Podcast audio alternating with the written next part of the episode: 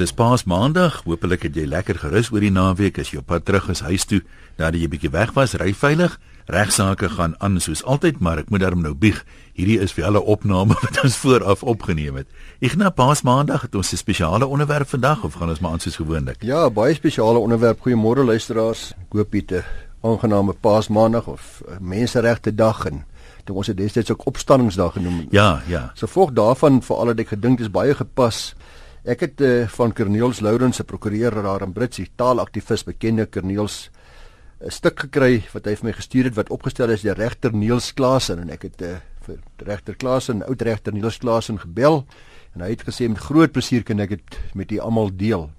Dis 'n stuk oor die Joodse en Romeinse verhore van Jesus Christus en 'n uh, eh, die vraag of hy 'n billike verhoor gehad het en 'n bietjie agtergrond en 'n bietjie die regsposisie en is vir my 'n baie baie oulike stuk en ek hoop jy gaan dit net so geniet.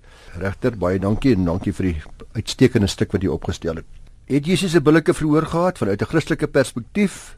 Is 'n billike verhoor soos volg deur William Temple, aartsbiskop van Kantelberg beskryf en is natuurlik vandag nog op ons almal van toepassing vir enige verhoor. Ek haal aan, hy sê love finds its primary expression through justice which means in practice that a each side should state its case as strongly as it can. B before an impartial tribunal. C with determination to accept the award of the tribunal. That puts both parties on equal level and is to that extent in accordance with the command those shall love thy neighbor as thyself. Dis nou die aartsbisdom van Kantelberg Nou het Jesus se verhoor aan hierdie Bybelse vereiste vir 'n billike verhoor voldoen. Ten opsigte van tempel se vereistes kan die volgende opgemerk word. Jesus het nie sy saak kon voorberei en stel nie. 2. Beide die Joodse en die Romeinse regbanke was bevooroordeel en nie onafhanklik nie. En dan derdens, die Joodse aanklaers het nie die bevinding van onskuld uitgespreek deur die Romeinse hof aanvaar nie. Nou dan 'n bietjie van 'n regsagtergrond en ek wil dadelik net sê dat as gevolg van die tyd van hierdie program, uh, die lengte van die program, gaan ek groot dele ongelukkig uithaal en ek hoop die regter Klaas ons my daarvoor vergewe, maar ons moet dan binne die tyd probeer hou. Die regsagtergrond sê tydens Jesus se verhoor was die Romeinse ryk reeds plus plus minus 700 jaar oud. Palestina was deel van hierdie ryk met die gevolg dat daar in Jerusalem twee regstelsels gefunksioneer het soortgelyk aan die situasie in Suid-Afrika waar beide die Romeins-Hollandse reg en die inheemse gewoontereg erken word. Dis nou die inheemse gewoontereg se Lebola, inheemse huwelike ensovoorts. Nou die vroegste kodifikasie van die Romeinse reg is in die 12 tafels, ongeveer 540 jaar voor Christus, opgeteken. Dis gedoen op aandrang van die plebeiers om beskerming te verkry teen die magistrate, die praetore, uh, wat die pat, wat die patriciërs, uh, wat uit patriciërs aangestel is. Dis die hoër stand hier. Patriciërs was die hoër stand en plebeiers die laer stand. En om 'n mate van regsekerheid vandaan kom. Pleb vandaan kom ja. Uh en om 'n mate van regsekerheid te bewerkstellig. Die 12 tafels erken die misdade van hoogverraad. Dit is die voorloper van 'n hele aantal mindere oortredinge wat saam as oproer of sedisie ook geskaar kan word, dan ook tempelskending. Dis die misdade wat dan in die 12 tafels baie duidelik uitgespel word. Gedurende die republikeinse hoogtepunt van die Romeinse ryk is die reg verder opgeteken in sekere wette waarin hierdie misdade verder omskryf is. Nou wat is die vereistes vir 'n geldige Romeins-regtelike kriminele verhoor? Destyds was daar nie Romeinse publieke aanklaers wat misdade in die howe vervolg het nie. Die persoon teen wie die misdaad gepleeg is, dis met ander woorde die klaar, hy moes die beskuldigde self arresteer en voor die hof bring. Dis baie iets soos ons nou vandag het Ian private vervolging. Jy hoef jouself te arresteer nie, maar jy kan privaat vervolg dan jy self die vervolging instel. In die hof was die voorsittende beampte die magistraat of praetor wat eers 'n voorlopige ondersoek gehou het om vas te stel of daar inderdaad 'n saak is om aan te hoor en indien wel het hy die saak dan na 'n judex of 'n regter verwys wat nie 'n regsgeleerde was nie, maar wel 'n prominente gesiene leek, 'n persoon van aansien met ander woorde in die gemeenskap. Die Joodse vereistes vir 'n billike verhoor, ons het nou gehoor wat die vereistes was vir 'n geldige Romeins regtelike verhoor. Wat het die Jode gesê? Die Joodse Mishnah is die oudste gesaghebende kodifikasie van Joodse wette sedert 540 voor Christus. Dit is oor 'n tydperk van 2 eeue saamgestel. Dis 'n dokument wat uit 6 dele bestaan, waarvan die 4de verband hou met verhore. Alhoewel die Jode onder Romeinse gesag gestaan het, het hulle wel hulle eie hofsaake aangehoor. Hierdie regsbevoegdheid rus by die Joodse Raad of Sanhedrin wat uit die owerpriester, ouderlinge en skrifgeleerdes 71 in totaal was hulle gewees bestaan het. Die verhoor van 'n halsmisdaad, met ander woorde 'n trial for life uh, wat jou lewe kon kos, het nie dikwels voorgekom nie. Indien die doodstraf opgelê is, kon dit slegs na bekragtiging deur die Romeinse goewerneur voltrek word. Appel teen 'n skuldbevinding en vonnis kon na die keiser in sommige gevalle aangeteken word. Daar was besondere streng voorgeskrewe reëls waaraan voldoen moes word. Die hof het kennis geneem van drie soorte getuies. Dit is nog vir my interessant. Dis nou soos die Romeine dit opgeteken het. Ydelle of grootpraterige getuienis wat as waardeloos beskou is. Dis hierdie breedsprakige slim mense. ja. Ydelle of grootpraterige getuienis wat as waardeloos beskou is. Dan tweedens getuienis van 'n ernstige aard wat voorlopig aanvaarbaar was tot nadere ondersoek.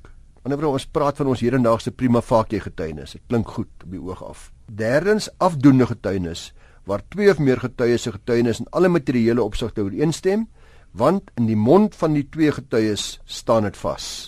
Dis nou stawend. Dis stawend. Al hierdie prosedure reëls het deur die eeue heen ontstaan met die doel om regsekerheid en regspraak deur 'n onpartydige en onafhanklike regbank daar te stel aldus is beskerming aan die beskuldigde verleen. Dit is altyd vir my wonderlik om te sien hoe waar ons regstelsel vandaan kom. Hoe, hoe hoe ver ingewortel dit, diep ingewortel dit al is. Nou kyk ons na die klagtes teen Jesus Christus. Verskeie klagtes is gedurende die verhoor voor die Joodse Raad en voor Pilatus teen Jesus aangebring. Die klagtes kan saamgegroepeer word as volg: 1. Hy het gedreig om die tempel te vernietig en dit binne 3 dae weer op te bou. Is dit towery of poging tot tempelskending? Dis wat die twee moontlike klagtes, towery of tempelskending. Tweedens, hy het beweer dat hy die seun van God. Godslastering dalk. 3. Hy het die volk teen die keiser opgesweep deur onder andere mense aan te moedig om nie belasting aan die keiser te betaal nie. Sedisie of opreiery. Nou klagtens 1 en 3 sê Niels Klaasen is onskynlik vals. Ten opsigte van klagten 1 was sy werklike woorde Dis nou die een wat uitgedreig om die tempel te vernietig en binne 3 dae weer op te bou. Sy werklike woorde was: "Breek hierdie tempel af en in 3 dae sal ek hom oprig." Dit is gesê na aanleiding van sy eie liggaam in hierdie tempel van Salomo nie. Ten opsigte van klagte 3, dis die een wat gesê het hy die volk teen die keiser opgesweep om nie belasting te betaal nie, was sy werklike woorde. Gee dan aan die keiser wat aan die keiser toe behoort en aan God wat aan God behoort. Voorts is die hele rede waarom Judas waarskynlik teen Jesus gedraai het, die feit dat Jesus juis nie die volk opgesweep het om die Romeinse oormag omver te werp nie. Sy vyande was juis nie die Romeine nie, maar die Joodse leiers wat hom as 'n bedreiging beskou het. Klagte 2, dis 'n een, hy's beweer hy's die seun van God. Dit uh, is korrek, maar dit stel nie 'n misdaad daar nie, want identiteit is op sigself nie 'n misdaad nie. Iemand kan slegs aangekla word in opsig van sy dade. Ten opsigte van hierdie klag kan daar slegs twee moontlikhede wees. 1 of Jesus was mal om goddelike eienskappe aan homself toe te eien, in watter geval hy nie aan enige misdaad skuldig bevind kan word nie, want hy's mal, hy's gek. Of tweedens, Hy was inderdaad die seun van God. In watter geval sy aanklaers of skuldbevinders hulle self veroordeel het deur hom skuldig te bevind op grond van sy ware identiteit. En dit kan nie 'n misdaad wees nie. Dan die verhoor voor die Joodse Raad. Die volgende onwettighede het plaasgevind. Eerstens, die tempelwag in plaas van die getuies wat as klaars opgetree het, het die beskuldigde gearresteer en na die hof gebring. Aan die ander woorde, die gewone reël was, die getuies, die persoon wat klaar hmm. moet self ombring. 2 die arrestasie het in die nag in plaas van middags plaasgevind. Uh dit was ook 'n uh, reël wat arrestasies in die dag plaasvind. 3 Dis nogal vir my interessant. Ek wil nie te veel afdwaal nie, maar uh dat dit in die dag moet wees. Daar sou seker historiese redes voor gewees het. Ja, kyk, daar's 'n daar's 'n boek wat uh hy na verwys hierso uh regter Klasen van Bertelsmann en Bekink uh in tydskrif Hedendaagse Mens Hollandse Reg 'n artikel 2000 in 2002 tydskrif waar hulle volledig met hierdie aspek gehandel het van die arrestasie wat in die nag plaasgevind het. Uh want hulle sê die owerpriesters en die skrifgeleerdes wou hom eintlik in die geheim om die lewe bring. Maar hulle kon dit nie reg kry nie. En hulle het dit toe om om toe om wettig laat vang, maar in die hoop dat hy of sy disippels met geweld die arrestasie sou teestaan en dan word daar 'n ja, geveg sou ja, wees en hulle ja. weer 'n nuwe klagtes kon kry op die manier. Dit sou 'n verskoning gebied het aan hulle om uh, om hom te dood of die Romeinse swaardmag te kry om hulle dood te maak. Maar dit het toe nie gewerk nie want hy het toe nie teestand gebied nie. So die arrestasie het verkeerd plaasgevind. Die regters was nie partydig nie En die hof het die enigste afdoende getuienis wat vir wat vir 'n skuldigbevinding aanvaarbaar kon wees verwerp. Die twee getuies wat eensstemmig was, het gesê dat dit die tempel sou afbreek en dit weer in 3 dae sou opbou. Hierdie getuienis indien dit waar was, sou hom skuldig gemaak het aan die misdade van towery wat met die dood strafbaar was en tempelskending wat met steniging strafbaar was. Nogtans word hy in een van hierdie twee misdade skuldig bevind. Dit los hulle uit. Dit laat vaar hulle om 'n of ander rede. Hy word skuldig bevind op 'n klag wat nie 'n misdaad is nie en ook nie gegrond is op enige afdoende getuienis nie. Daar was nie twee getuies wat eensstemmig hom van godslastering beskuldig het omdat hy sou gesê het dat hy die seun van God is nie. Onthou as nou nou gesê dis wat afdoende bewys was. Twee getuies wat se getuienis vas staan. Daar was net een getuie. Deur die twee getuienis se getuies te verwerp, het die Joodse Raad by noodwendige implikasie erken dat hulle valse getuienis gelewer het en die straf vir valse getuienis is die doodsvonnis maar die Joodse Raad het hierdie vonnisse nooit toegepas of aangevra nie. Die skuldigbevinding laastens het nie eendag oorgestaan nie en so ook het die vonnis van doodstraf ook nie vir 'n verdere dag oorgestaan want die Sanhedrin wou die saak voor Paasfees afhandel. So daai reëls is nie een nagekom nie. 'n Mens wonder ook waarom het Kajafas tot hierdie uiterstes beweeg om 'n skuldigbevinding te bewerkstellig. Waarskynlik het hy aldus opgetree omdat hy geweet het wat die implikasies sou gewees het indien Jesus inderdaad die Messias en die seun van God was. Hy was genoegsaam onderlê in die skrif om te glo dat die Messias in konflik sou kom met die Romeinse owerheid van die dag, omdat hy sy koningskap in Jerusalem sou wou vestig. Dit sou konflik en konfrontasie meebring wat die hele mag van die Romeinse ryk op die Joodse volk sou toespits en moontlik die Jodendom sou vernietig.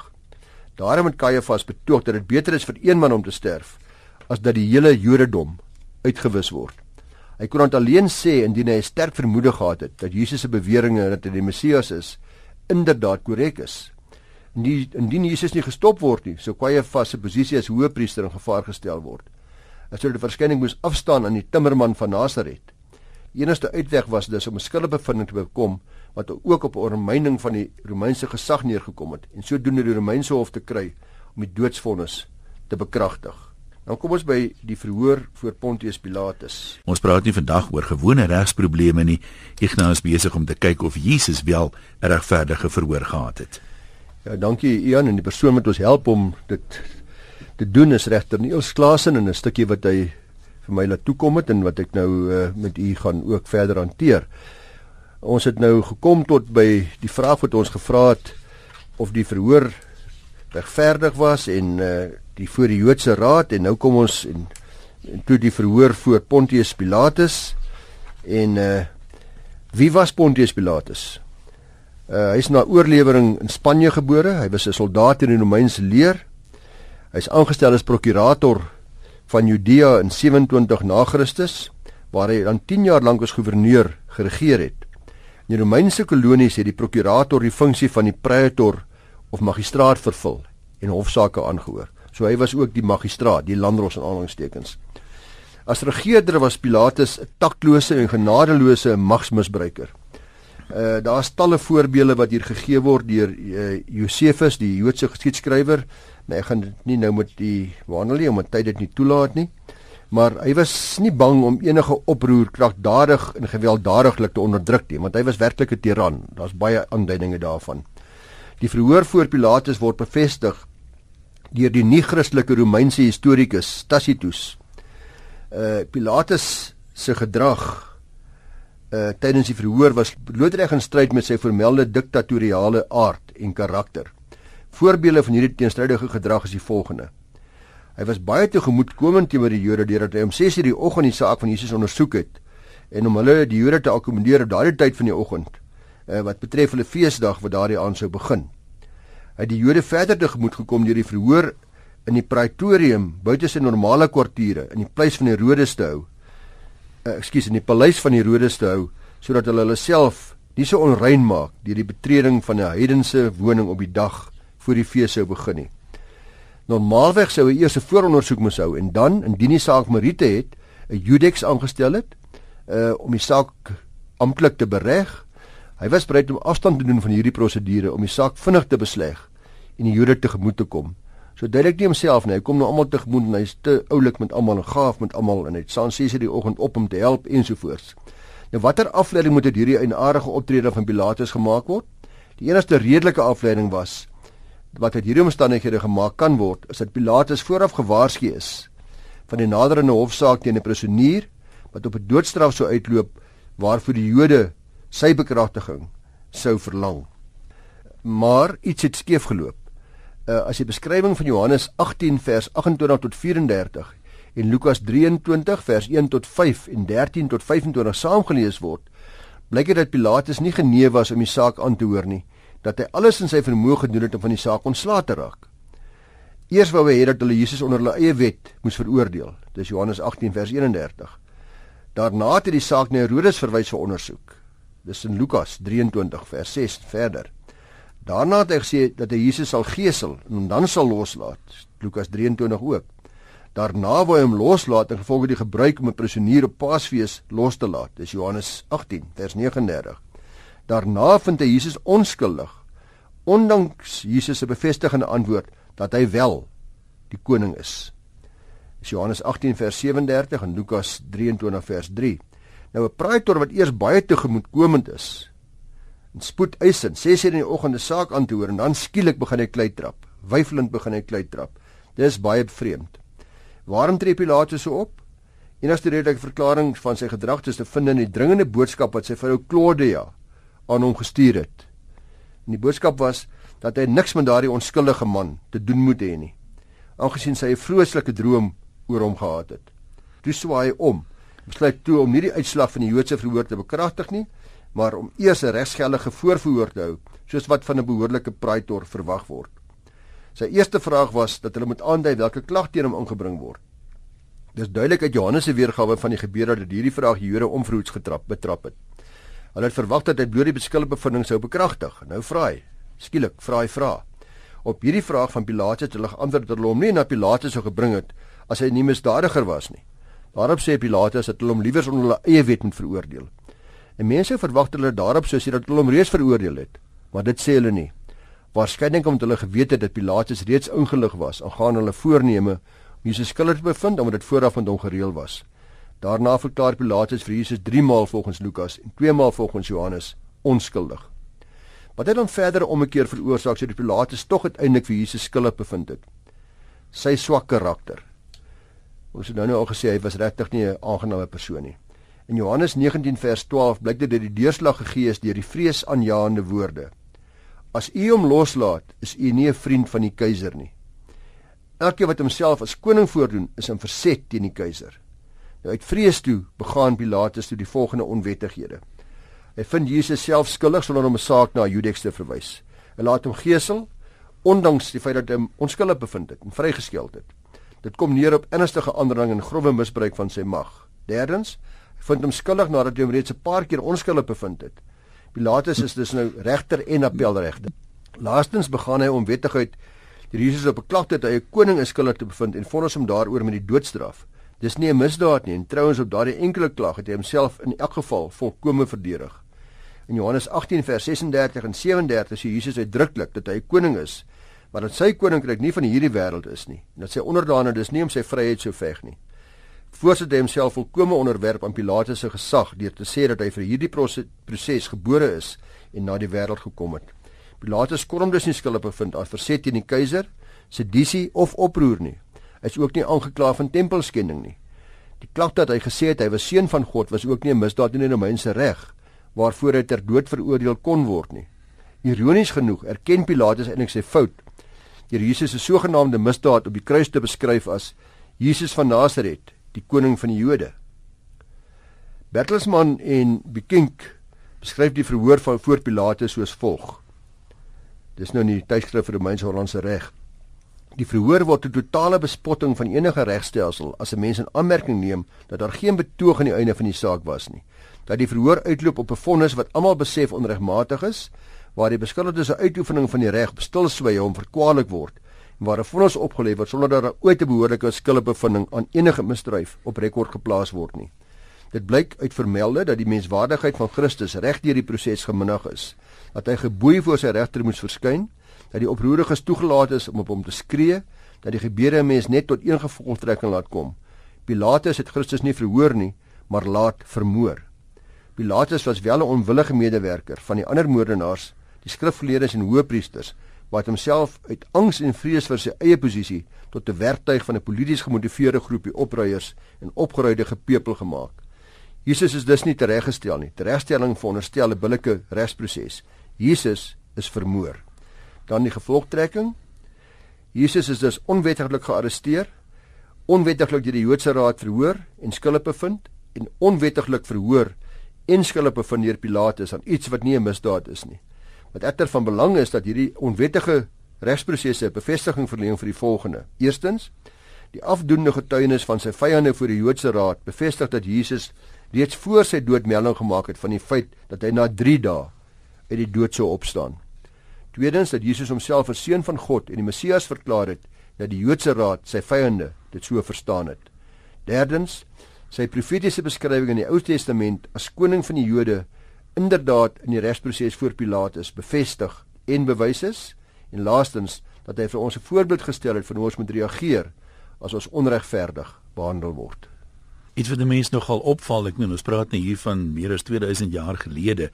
Maar sou dit vandag afspeel, dan sal mense dit baie maklik as 'n voorbeeld aanhaal van kyk wat het van die ou wêreld geword, hoe dinge agteruit gegaan en weet as jy hierdie filosowe gaan lees, Cicero, die mense het al gepraat van in hulle tye, jong mense geen respek meer het vir ouer mense en die mense het nie meer waardes nie. So dit tref my altyd as ek van hierdie historiese goed hoor dat hoe meer dinge verander, hoe meer bly dit dieselfde. Die geskiedenis herhaal homself maar. Ek het ook gedink aan die aspekte hierso waar Bertelsmann en Bekink skryf dat anderwoorde 'n leier, iemand wat voorsit, wat voor staan, het uit angs en vrees vir sy eie posisie om tot werktuig gemaak van 'n groepie polities gemotiveerde groepie opruiers en opgeruide gepeupel gemaak. Dit het mense 'n bietjie laat dink aan 'n paar dinge wat in Suid-Afrika gebeur het eh, in die onlangse verlede. Ek dink byvoorbeeld aan wat die twee dogters, die twee studente van Stellenbosch wat hulle moes deurmaak as gevolg van van dinge wat die blackface insident. blackface insident van opruiere en mense wat geskree en geraas en beklei daaroor en en toe uiteindelik amper veroordeel was sonder dat daar regtig behoorlike verhoor was. In indirek ja, ja. en daar's baie ander voorbeelde waar mense deesdae reg kry om met opruiere en lawaai en geraas mense te motiveer om eintlik te doen wat nie reg is nie. En besluite te maak wat nie billik en regverdig is nie Baie stof tot nadenke. Nou ek sê vir jou baie dankie. Vreedsame Paasnaweek verder ook vir die luisteraars vir al die op pad terug huis toe. Ry asseblief veilig. Baie dankie. Ons is volgende maandag terug met nog regsaake.